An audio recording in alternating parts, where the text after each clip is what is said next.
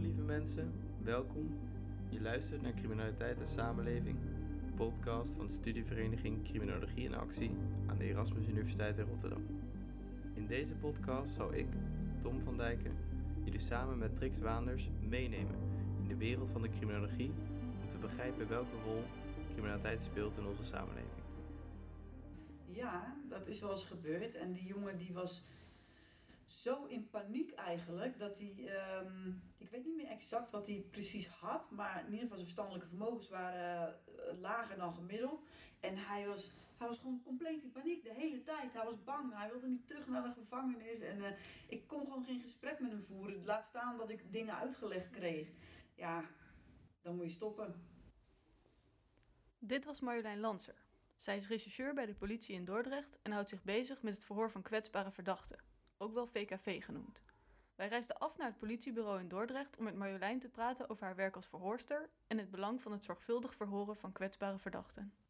Maar voordat we verder gaan, eerst een woordje van onze sponsor.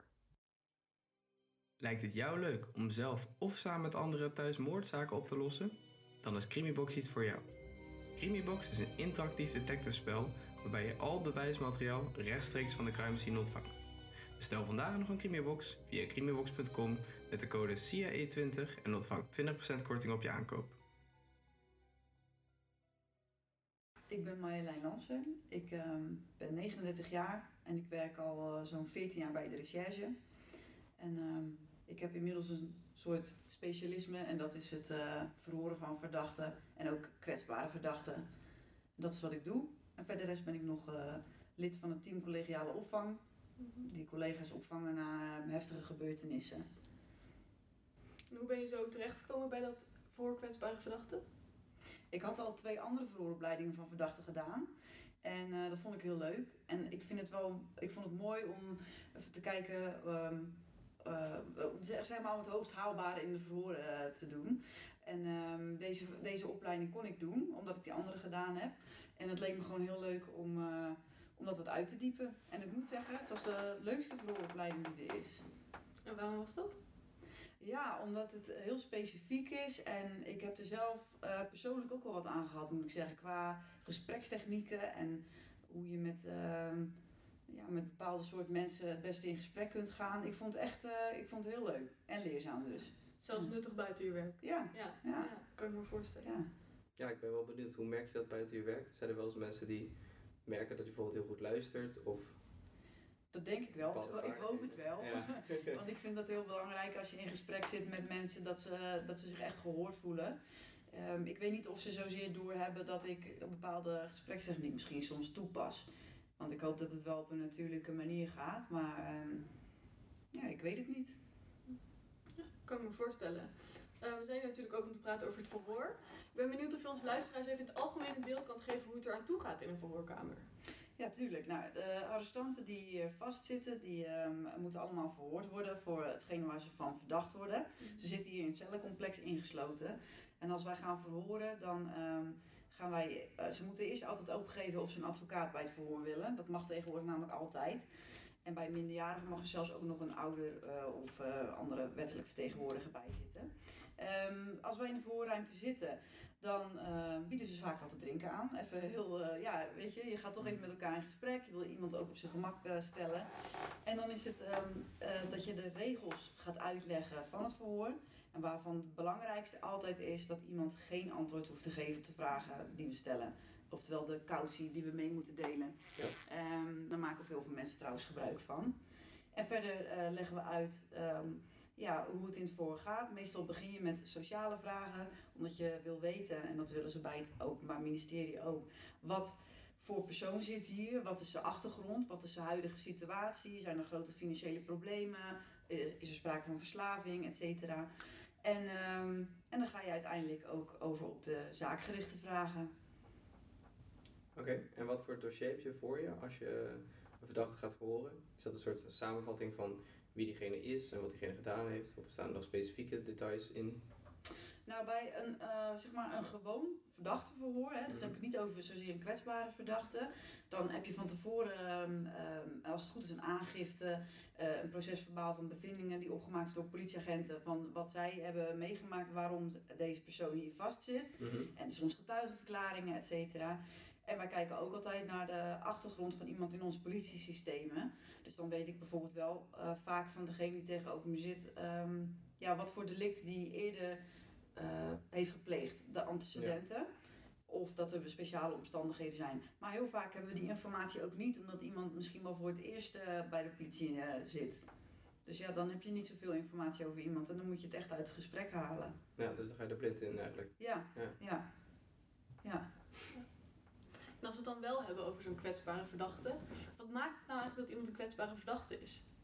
Ehm, nou, jongeren tot de jaren 16 die zijn, eh, worden aangemerkt als kwetsbaar. Mhm. Ehm, ik denk dat dat geen uitleg behoeft eh, wat betreft de kwetsbaarheid. Omdat je, ja, als je jong bent kun je niet alles overzien. En eh, is het soms lastig, eh, hier ga ik het toch uitleggen. Is het soms misschien lastig eh, eh, om in te schatten van ja, wat, wat kan ik beter wel of niet zeggen? Of ehm, eh, hoe gaat het hier eigenlijk verder?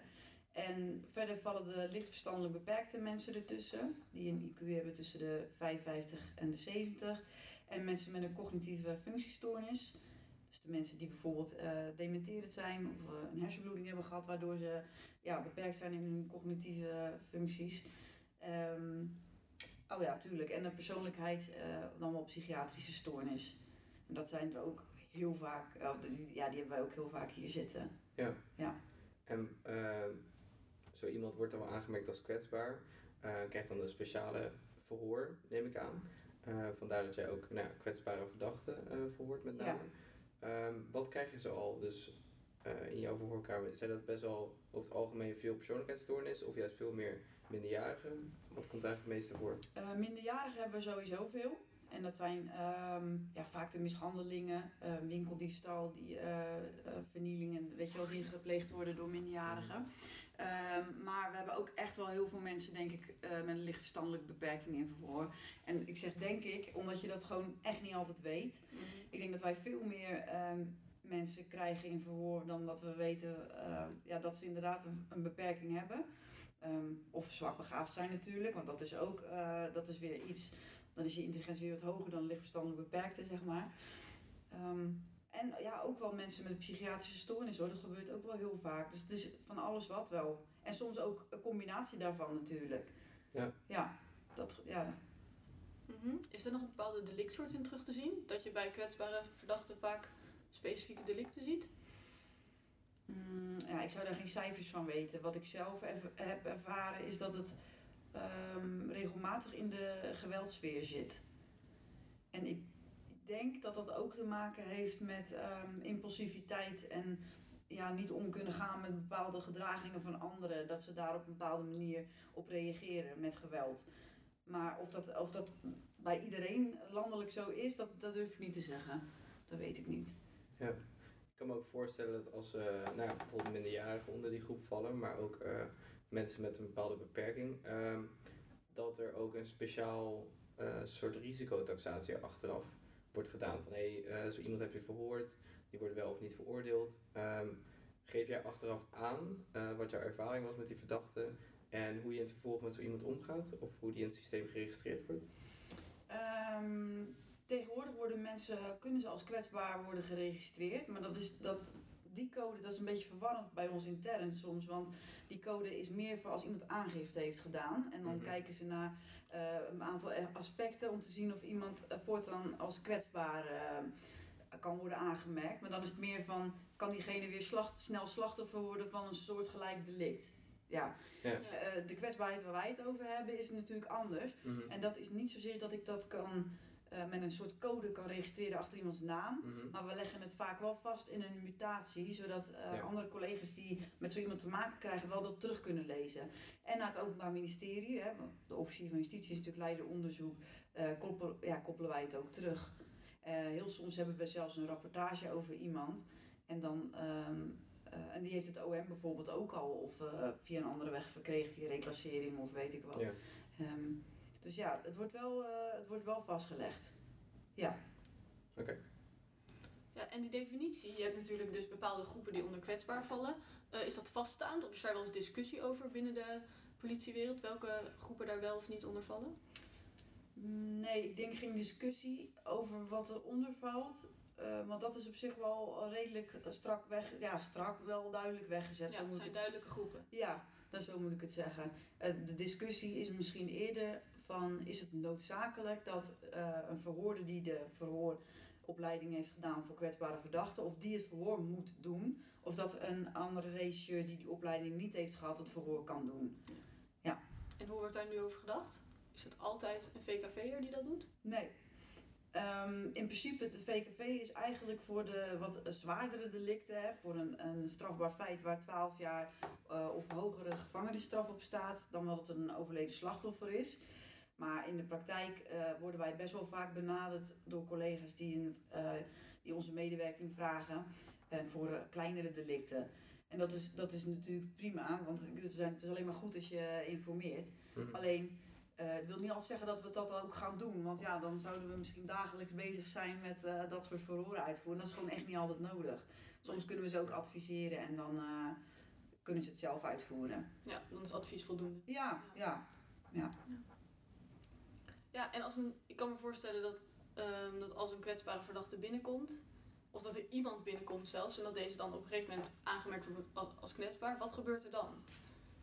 Uh, als iemand als kwetsbare verdachte wordt aangemerkt, dan moet hij een advocaat zien.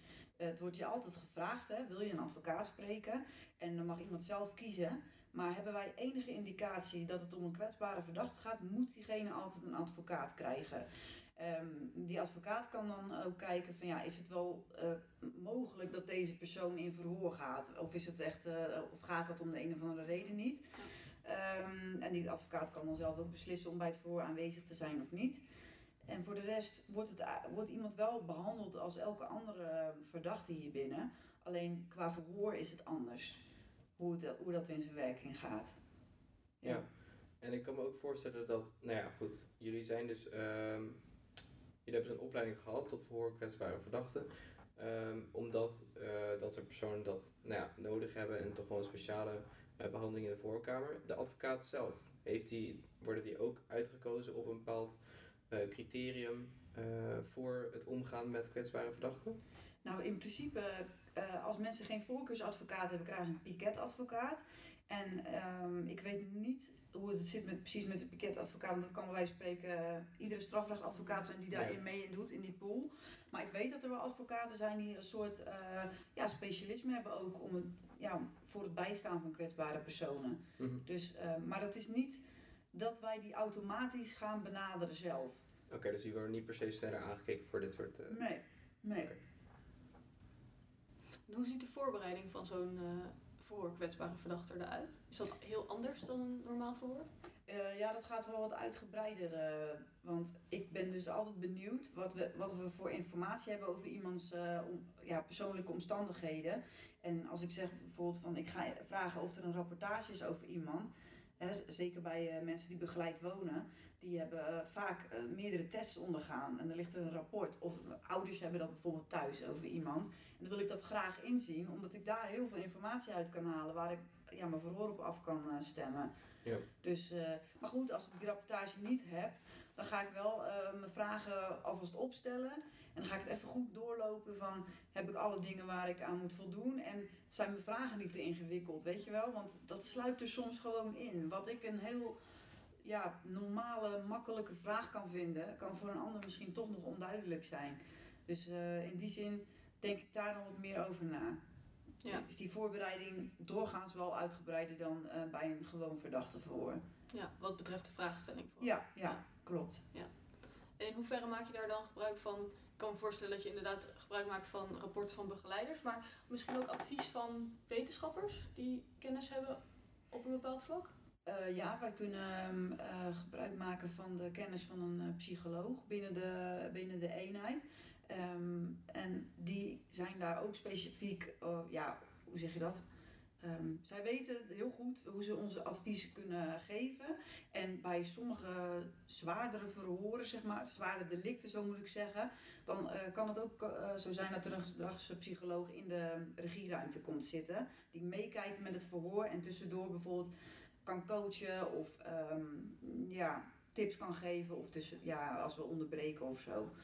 Ehm, het is mij niet zo vaak gebeurd, denk ik, dat ik echt vooraf informatie heb ingewonnen bij een uh, gedragspsycholoog of zo. Gedragstherapeut of nee. Niet dat ik me echt kan herinneren. Dat, komt, is maar één keertje, denk ik, geweest. Oké, dus die staat wel op standby, maar die wordt over het algemeen wat minder gebruikt dan. Ja, nou ja, weet je, dat komt ook. Wij hebben hier, um, nou laat ik zo zeggen, binnen de politie heb je team grootschalig uh, onderzoek. En die doen bijvoorbeeld de moorden, even zo gezegd. Die maken daar eerder gebruik van, vanwege de zwaarte van het delict. Mhm. En um, ja, dan moet alles zo, dan is het zo gewichtig, zeg maar. Dan, dan moet je die, die kennis gewoon in huis halen. En dat is bij deze delicten die wij hier op de Algemene Rechercheafdeling hebben, is dat gewoon wel anders. Ik hoef niet voor een uh, openlijke geweldpleging per se een, een psycholoog um, te vragen van ja, hoe moet ik dit het beste doen? Of hoe kan ik dit het beste doen? Ja. Dus ja, het kan, maar het gebeurt niet heel vaak. In mijn geval dan, zover ik weet. Ja, snap ik. Je zei dus één specifiek moment was dat je dat wel hebt gedaan. Ik herinner je, dat herinner je je nog. Ja. Kan je daar iets over vertellen? Ja, ja dat, was, dat was voordat ik de opleiding voor kwetsbare verdachten heb gedaan. Ging met een collega, dat is al jaren geleden, ging met een collega aan jongen horen. En die werd verdacht van brandstichting. En hij was in de twintig. En uh, we wisten dat hij verstandelijk beperkt was, want hij woonde begeleid en we hadden al wel wat informatie over hem. En ja, je merkte het ook wel, weet je. Lang niet bij iedereen kan je het zo op het eerste gezicht zien of merken, maar bij hem wel. En uh, toen hadden we een, um, een coach in de verhorenruimte, maar ook een psycholoog die daarbij zat. En, um, en die hebben meegekeken en ons gecoacht. Mm -hmm. En ik moet zeggen, dat verhoor, daar moet ik wel een beetje om lachen, omdat wij, uh, wij waren wel voorbereid, maar ik had deze opleiding nog niet gehad. En daardoor merkte ik dat ik wel wat dingen, ja, achteraf gezien had ik die niet zo moeten doen bijvoorbeeld, weet je. Ik, ik ging er echt wel vanuit dat hij veel meer begreep dan ik dacht. Ja. En dat is echt, uh, weet je, op, op een gegeven moment stelden wij een vraag over iets van wat vind je belangrijk. Nou, daar kon hij al geen antwoord op geven. En mijn collega had het eerder in de gaten en die zei, weet jij wel wat het woord belangrijk betekent? Nou, dat kon hij helemaal niet uitleggen, dat, dat, dat wist hij helemaal niet. En toen dacht ik, oh, hij zijn, zijn vermogen om dit allemaal te begrijpen of in ieder geval onder woorden te brengen is veel minder groot dan ik dacht. Dus uh, dat was wel een leerzaam verhoor, moet ik zeggen. Ja, en dat was dan voor je de opleiding gedaan Ja. met, uh, tot kwetsbare verdachten, uh, tot VKV. Ja. En uh, kun je vertellen wat voor veranderingen je nu hebt toegepast in het verhoor? Uh, wat zijn de specifieke dingen die je geleerd hebt op zo'n opleiding? Nou, de, een van de belangrijkste dingen zijn de instructies die je aan het begin van het verhoor geeft. Mhm. Hè, dus wat ik zei, de cautie mededelen, dat iemand geen antwoord hoeft te geven. Uh, wij rammelen dat er bij een gewoon verhoor heel makkelijk uit van je bent niet tot antwoorden verplicht. Begrijp je dat? Nou, 9, nou ja, 10 van de 10 keer eigenlijk, ja, zeggen ze dan. Bij deze personen leren wij om te zeggen van je hoeft geen antwoord te geven op de vragen die ik je stel. Mhm. En dan stel je een vraag om te, ja, te testen van snapt iemand wat ik, uh, wat ik gezegd heb. Dus dan zeg je van, dus als ik jouw vraag stel, moet je dan antwoord geven of mag je dan antwoord geven? Weet je dat is al een andere instructie. Ook over um, als iemand mij niet begrijpt, dat hij het gelijk aangeeft. Um, als ik iets zeg wat niet klopt, dat het gelijk aangegeven wordt. Weet je, dat soort dingen, dat, um, ja, die gebruik ik nu. En ik stem het veel meer af op degene die tegenover me zit. Dat is ook wat je leert in de opleiding. Ja. Um, ja, en bijvoorbeeld bij uh, iemand waarvan je weet dat hij autisme heeft, is het niet wenselijk dat je van de hak op de tak gaat springen. Mm -hmm. Of dat je er een, uh, ja, een beetje, dat, dat je chaos krijgt.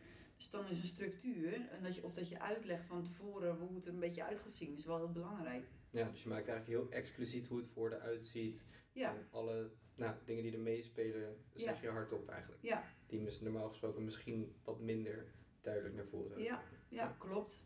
Oké. En dat, uh, ja, dus dat, dat, dat is gewoon heel fijn voor die mensen, denk ik, omdat zij daardoor zich uh, meer op hun gemak voelen. Ja. Ja. Komt het dan ook wel eens voor dat het bijvoorbeeld niet lukt om eh, die cautie uit te leggen? Ik kan me voorstellen dat er misschien wel eens een situatie ontstaat waar- waarin iemand niet tot begrip komt. Terwijl dat wel noodzakelijk is om daadwerkelijk aan het verhoor te kunnen beginnen. Klopt, ja. Ja, dat zeg je goed. Ehm, ja, dat is wel eens gebeurd. En die jongen die was zo in paniek eigenlijk dat hij, ehm, ik weet niet meer exact wat hij precies had, maar in ieder geval zijn verstandelijke vermogens waren eh, lager dan gemiddeld. En hij was, hij was gewoon compleet in paniek de hele tijd. Hij was bang, hij wilde niet terug naar de gevangenis. En eh, ik kon gewoon geen gesprek met hem voeren. Laat staan dat ik dingen uitgelegd kreeg. Ja, dan moet je stoppen. Dat Ja, gaat niet, nee. weet je wel. Want je kunt niet in gesprek gaan met iemand sowieso niet die helemaal in paniek is. Maar al helemaal niet met iemand die die cautie niet snapt. Of die eh, überhaupt niet weet wat de bedoeling is van het gesprek. Dus ja, die hebben, dat hebben we moeten stoppen. En dat heb ik ook moeten uitleggen aan de officier. Van ja, dat gaat gewoon niet. Nee, en wat zijn de gevolgen dan van zoiets? Ja, dan gaan ze wel kijken van ja, wat is er nodig voor deze persoon. En die jongen is uiteindelijk ehm, hier weggestuurd, heen gezonden. Want dat, ja, dat ging gewoon niet. En ehm, ehm, ik weet niet of hij nou later nog eens een keer... Volgens mij moest hij nog een keertje een verhoor afleggen, maar dan op locatie waar hij woonde. Of op uitnodiging, weet je wel, met een betere voorbereiding, et cetera. Zonder dat hij hier aangehouden was en ingesloten was. Maar dat heb ik zelf niet gedaan, dus dat, eh, dat weet ik niet meer hoe dat precies gegaan is. Ja, Oké, Eh, je benoemt nu ook dat je bij diegene op een andere locatie hebt gehoord. Eh, ik kan me voorstellen dat het bij kwetsbare verdachten, die wellicht een verstandelijke beperking hebben, ehm, het niet fijn is om in een nieuwe ruimte te komen, zoals een voorkamer. Eh, gebruiken jullie vaker eh, externe locaties hiervoor? Misschien een vertrouwde omgeving voor degene die verhoord wordt? ja dat wordt wel eens eh, gedaan. Ik kan me wel zo voorstellen dat het niet met alle strafbare feiten kan, weet je. Maar ehm, soms is het gewoon, ja, dan is het gewoon niet anders. Moet iemand gewoon in een politiebureau verblijven. Dat, dat, ja, dat is niet anders. Maar ik heb het een tijdje geleden gehad met een jongen die... zijn moeder kreeg hem gewoon niet mee naar het bureau. Dat ging niet lukken. Mhm. En toen hebben we uiteindelijk de officier gezegd, nou, ik wil toch dat hij verhoord wordt. Ehm, kijk maar of je het bij hem thuis kan doen. Ja, voor mij is dat niet altijd even handig, omdat ik geen computer ehm, daar heb. Weet je wel, je kan een laptop meenemen en zo. Maar we hebben het wel gedaan. Tenminste, we hebben het geprobeerd. en want ik kwam daar aan bij die jongen in huis. En zijn moeder was er en zijn begeleider was er. En ehm, ik had een collega meegenomen. Maar ik had pas middags doorgegeven dat die collega mee zou komen. Want in eerste instantie zou ik alleen komen. Mhm. En met die jongen was geen land meer te bezeilen, want eh, je zou alleen komen. En hij had te kort de tijd gehad om te wennen aan het idee dat er nog een politieagent mee zou komen. Ja. Dus van het verhoor eh, kwam niet veel terecht. Ja, maar goed, dat, dat kan dus wel. En de officier kan dat ook vragen van... eh, ga dan alsjeblieft naar iemands huis of naar de instelling waar hij verblijft... om daar het verhoor te doen. Mhm. Komt dan vanuit de officier dat verzoek? Ehm, ja, in dit geval wel. En ik heb het nog wel eens een keertje gehad dat de officier dat verzocht. Maar soms is het ook via collega's die het verzoek bij ons neerleggen om het verhoor te doen. Dat ze zeggen, ja, ehm, zou het op locatie kunnen? Want de begeleider geeft aan dat dat, eh, dat, dat beter is. Want anders dan wil hij misschien niet meewerken. Ja. Ik zeg trouwens overigens steeds hij. We hebben uiteraard ook vrouwelijke verdachten, hè. Maar om steeds hij, zij te zeggen, dat wordt een beetje te veel van het goede. ja. Goed dat je er even bij zit. Ja, ja. Ja, ik ben nog wel benieuwd ehm, wat het belang is van deze, van deze aparte aanpak. Ik hoor je net al zeggen dat inderdaad een begeleider het aan kan geven van dit is beter voor deze persoon. Dus ik kan me voorstellen dat het heel erg persoonsgericht is. Bedoel je de aanpak eh, eh, waar je gaat verhoren of gewoon het hele verhoor op zich? Ook in het algemeen. Ja. Nou, ik denk dat het belang is dat wij in ieder geval geen ehm, suggestieve vragen gaan stellen. Zodat mensen niet iets gaan vertellen wat niet klopt. Of dat ze niet denken van, oh, ik moet nu zeggen van ja, dat heb ik gedaan. Terwijl dat misschien wel helemaal niet zo is. Want anders worden ze boos op me of wat dan ook. Ik denk dat dat de belangrijkste redenen zijn. Dat er dus geen valse bekentenissen komen. Ja. Want ik kan me voorstellen dat als een, eh, zo'n verhoor geweest is met een kwetsbare verdachte, dat er wellicht ook anders gekeken wordt naar een rapport of verslag van zo'n eh, verhoor. Staat het dan, dan bij aangegeven en nemen collega's dat dan ook op een andere manier eh, tot zich, zo'n rapport? Of wordt het in principe gewoon hetzelfde gelezen als een eh, normaal verhoorverslag? Ja, dat weet ik niet. Ehm, dat komt omdat ik die verhoren dan zelf moet uitvoeren natuurlijk. En de officier die weet altijd wel, uh, het zij van ons of van een ander, uh, dat, dat we met een kwetsbare verdachte te maken hebben gehad. Um, collega's van mij ernaar kijken, dat durf ik niet te zeggen. Maar kijk, natuurlijk onderling bespreken we dingen. Maar als het ergens wordt gelezen waar ik, met, door een collega waar ik geen contact mee heb gehad verder Um, ja, misschien dat hij de vraagstelling herkent, omdat die in het beginsel eigenlijk altijd hetzelfde zijn. Weet je wel, die, nou ja, de, de instructies met name. Maar of zij dat allemaal op dezelfde manier um, lezen en begrijpen, weet ik niet. Denk je dat het belangrijk is om zo'n verslag anders te lezen? Omdat er wellicht informatie in staat die niet zo bedoeld was? Of geef je dat dan bewust aan als er iets in staat wat wellicht uh, anders gezegd is door de verdachte dan diegene bedoelde? Mm, goeie vraag. Ik weet het niet. Ik heb dat nog niet meegemaakt zo, denk ik. Nee. Nee. En denk je dat dat belangrijk is? Zou dat uh, moeten gebeuren, denk je? Ja, nou, ik vind het wel belangrijk om de mensen die met zo iemand te maken hebben, als ik het weet, om ze te informeren over de uh, persoonlijkheid van, of de omstandigheden van, de, van, van die persoon, weet je? Want dan kunnen zij er ook rekening mee houden. Mhm. Hè? Eh, heel simpel, niet alleen met een verklaring, maar als je hier iemand in het bureau hebt zitten die in een cel moet, waarvan de arrestantenwachter niet weet wat, uh, wat zijn kwetsbaarheid is bijvoorbeeld, ja, dat kan een hele ongewenste situatie opleveren. Omdat de arrestant misschien niet begrijpt wat er gezegd wordt of wat er gevraagd wordt.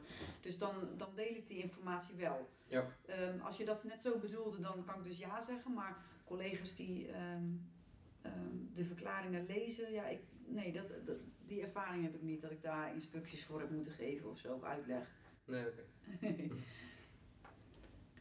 en ik ben wel benieuwd hoe het dan zit met uiteindelijk wat er dan gebeurt met zo'n verhoor. Want het is inderdaad belangrijk uh, dat iemand dus een betrouwbare verklaring aflegt, dat er geen valse bekentenissen zijn. Um, hoe gaat de rechtspraak daar bijvoorbeeld bij om, mee om? Heb je daar een idee over? Nou, uh, wat ik weet is dat verdachte verklaringen um, ja, onderdeel zijn van het onderzoek en um, ook als bewijs kunnen worden opgevoerd. Niet op zichzelf staand, maar wel dat het uh, onderdeel is van. Hoe het bij een kwetsbare verdachte precies zit, dat weet ik niet. Ik bedoel, ik kan me wel voorstellen dat zij. Uh, ze hebben niet voor niks deze richtlijn, zeg maar. Dat uh, wij gecertificeerd moeten zijn om kwetsbare personen te verhoren. Hmm, dus je zou dan ook een betrouwbare verklaring eigenlijk moeten hebben. Net zoals elke andere verklaring. Maar hoe dat verder ja, door het OM precies beoordeeld wordt, dat durf ik niet te zeggen. Er wordt ook niet gekeken, bijvoorbeeld stel dat een kwetsbare verdachte niet door een VKV'er verhoord is, dat er dan bijvoorbeeld een advocaat is die zegt. Als je een oplettende advocaat uh, hebt, zou dat best een probleem kunnen zijn. Ja, ik kan me voorstellen dat het een punt is wat je aan zou kunnen Ja, dat zou kunnen. Um, maar dan denk ik dat het meer een punt is van als ze het verhoor lezen, dat ze denken, huh, weet je wel, uh, die vraagstelling, dat, dat snapt hij toch niet? Ja. Kijk, het wil niet zeggen dat als je geen VKV gevolgd hebt, dat je niet de juiste vragen zou kunnen stellen. Dus misschien dat een advocaat daar dan helemaal geen punt van zou maken als het een duidelijk verhoor is. Ja. Maar um, ja, een oplettende advocaat zou daar zeker een punt van kunnen maken. Ik denk dat daarom ook de officier soms erop staat dat een VKV het verhoor gaat doen. Ja, om ja. toch dat dicht te timmeren. Ja, ja, ja. ja, kan me goed voorstellen. Ja, ik ook wel. Ja, je wilt toch... Ja, je wil geen onduidelijkheid hebben bij, uh, bij de verdachte die verhoord is. En dat, dat je twijfels krijgt over de betrouwbaarheid van die verklaring. En of het allemaal wel goed begrepen is en zo. Ja. Dus terwijl het uiteindelijk om de inhoud gaat, is het soms toch ook belangrijk om voor het statement wel een VKV'er te laten doen. Ik denk het wel. Ja. Ik, ik vind van wel ook, ja. Ja, en waarom vind je dat? Omdat ik vind dat deze mensen, ja, die moet je gewoon, je moet op ze af kunnen stemmen. En um, de ene regisseur zou dat misschien beter kunnen dan de ander, weet je. Maar ik vind gewoon dat zij recht hebben op, op duidelijkheid en dat ze zich goed kunnen uiten en dat ze zich begrepen voelen in, uh, in het verhoor. En als je de VKV gevolgd hebt en je bent geslaagd, dan, mag, dan mogen we ervan uitgaan dat je dat kunt, weet je. Ja. Dus uh, ja, ik vind dat heel belangrijk. Ja. Kan me ook voorstellen um, dat er belangenverstrengeling kan optreden als je, nou ja, het doel is natuurlijk de waarheid achterhalen. Uh, maar zoals je terecht zegt, denk ik ook, uh, is het belang ook dat eh, de verdachte wel op een juiste manier eh, wordt verhoord, met name dan bij kwetsbare verdachten. Eh, dus merk jij bijvoorbeeld dat als je ergens advies geeft bij een verhoor of als je een verhoor doet, eh, dat je dan met collega's wellicht uh, nou ja, verstrengeld raakt in gaan we meer zorgen dat deze persoon zich op gemak voelt of proberen we hier echt uh, druk te zetten om de waarheid te achterhalen of hoe gebeurt dat in de praktijk? Nee, daar heb ik uh, nooit discussie over uh, gehad.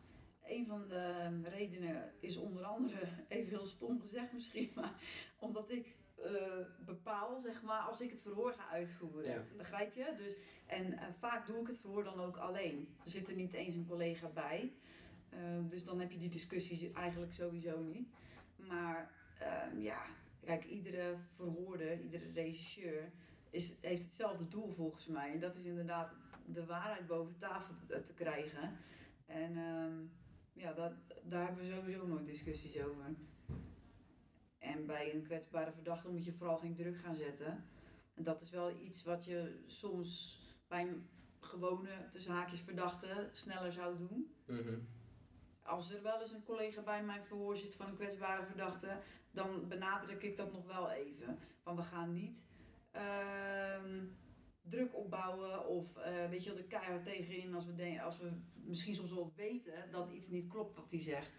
En dat is ook omdat het gewoon geen zin heeft bij heel veel verdachten, want die raken alleen maar over de toeren en gaan misschien helemaal uit hun pan. Ja, of het wordt vechten in de verhoorkamer. Ja. ja, dan heb je niks ja, meer. Dan ben je nog dus, verder van huis. ben je ja, nog ja. verder van huis, ja daarom. Ja. Het is een, als ik het voorbeeld even aan mag halen, een, een meisje wat hier heel regelmatig aan het bureau is geweest als verdachte, um, vaak ook voor geweldsdelicten. Zij heeft um, op het eerste gezicht, kan je heel leuk met haar praten, maar ze heeft een verstandelijke beperking. En dat weten we inmiddels allemaal. Maar zij kan zo ontzettend snel omslaan. Zij kan van 0 naar 100 gaan zonder dat je enig idee hebt waarom ze in één keer boos wordt. Ja. En dan wordt ze ook fysiek. Dus uh, het is al zo vaak gebeurd dat de noodknop ingedrukt werd omdat er uh, weer collega's met haar uh, ja, moesten rollen om haar in bedwang te houden. En ja, dat is, weet je, dat is iets. Bij haar, ik moest haar een keertje verhoren. En dan dacht ik ook van ja, ik ga het gewoon vragen wat ik moet vragen aan haar. Ik hou rust en ik ga niet tegen haar in. Want dat bij het minste geringste zal ze uit de plaat gaan. Ja. En, uh, en gelukkig is het niet gebeurd, dat verhoor. Um, ik hoop dat het mede te maken had met de aanpak die ik gekozen had voor haar. Mm. Maar um, ja, bij zo'n verdachte heeft het echt totaal geen nut om druk te gaan zetten. Het gaat helemaal mis. Ja, Ja, snap ik. Kan je iets vertellen over die aanpak? Die je dan, wat voor aanpak je hebt gekozen toen? ja dat is echt gewoon um, rustig zijn, uh, duidelijk zijn naar haar toe. En vooral niet um, erop ingaan als zij iets zei waarvan ik eigenlijk wist door andere verklaringen, et cetera, dat dat niet zo zou zijn gegaan. Dat ik, uh, normaal ga je dan zeggen van ja, maar die en die zegt dat jij dit en dat hebt gedaan of dit Ja. en dat hebt gezegd. En dat heb ik bij haar niet gedaan. Ik dacht, ik stel me vragen. Zij mag vertellen wat zij wil, hè, want uh, dat weet ze ook. En ja, klopt het niet, dan klopt het niet. Maar laat maar, weet je wel. Dit is wat zij kwijt wil. En zo, zo is dat uh, verhoor gegaan. En dat ging eigenlijk gewoon uh, goed. Haar advocaat zat erbij. Nou, die was ook gelukkig heel rustig. Die had een uur de tijd genomen van tevoren met haar in gesprek te gaan. Dus dat was ook wel heel mooi. Maar, uh, dus die aanpak werkte op dat moment heel goed. Ja, dat is dan eigenlijk het hoogst haalbare om gewoon... Voor haar wel, Ja, op dat moment. En voor mij ook, denk Ja, ik. Ja. ook dat. Ja. Ja. ja. Nou Marjolein, heel erg bedankt voor het interview. Eh, Graag gedaan. Erg interessant. Zoals je hebt kunnen horen is het achterhalen van de waarheid tijdens een verdachteverhoor niet vanzelfsprekend.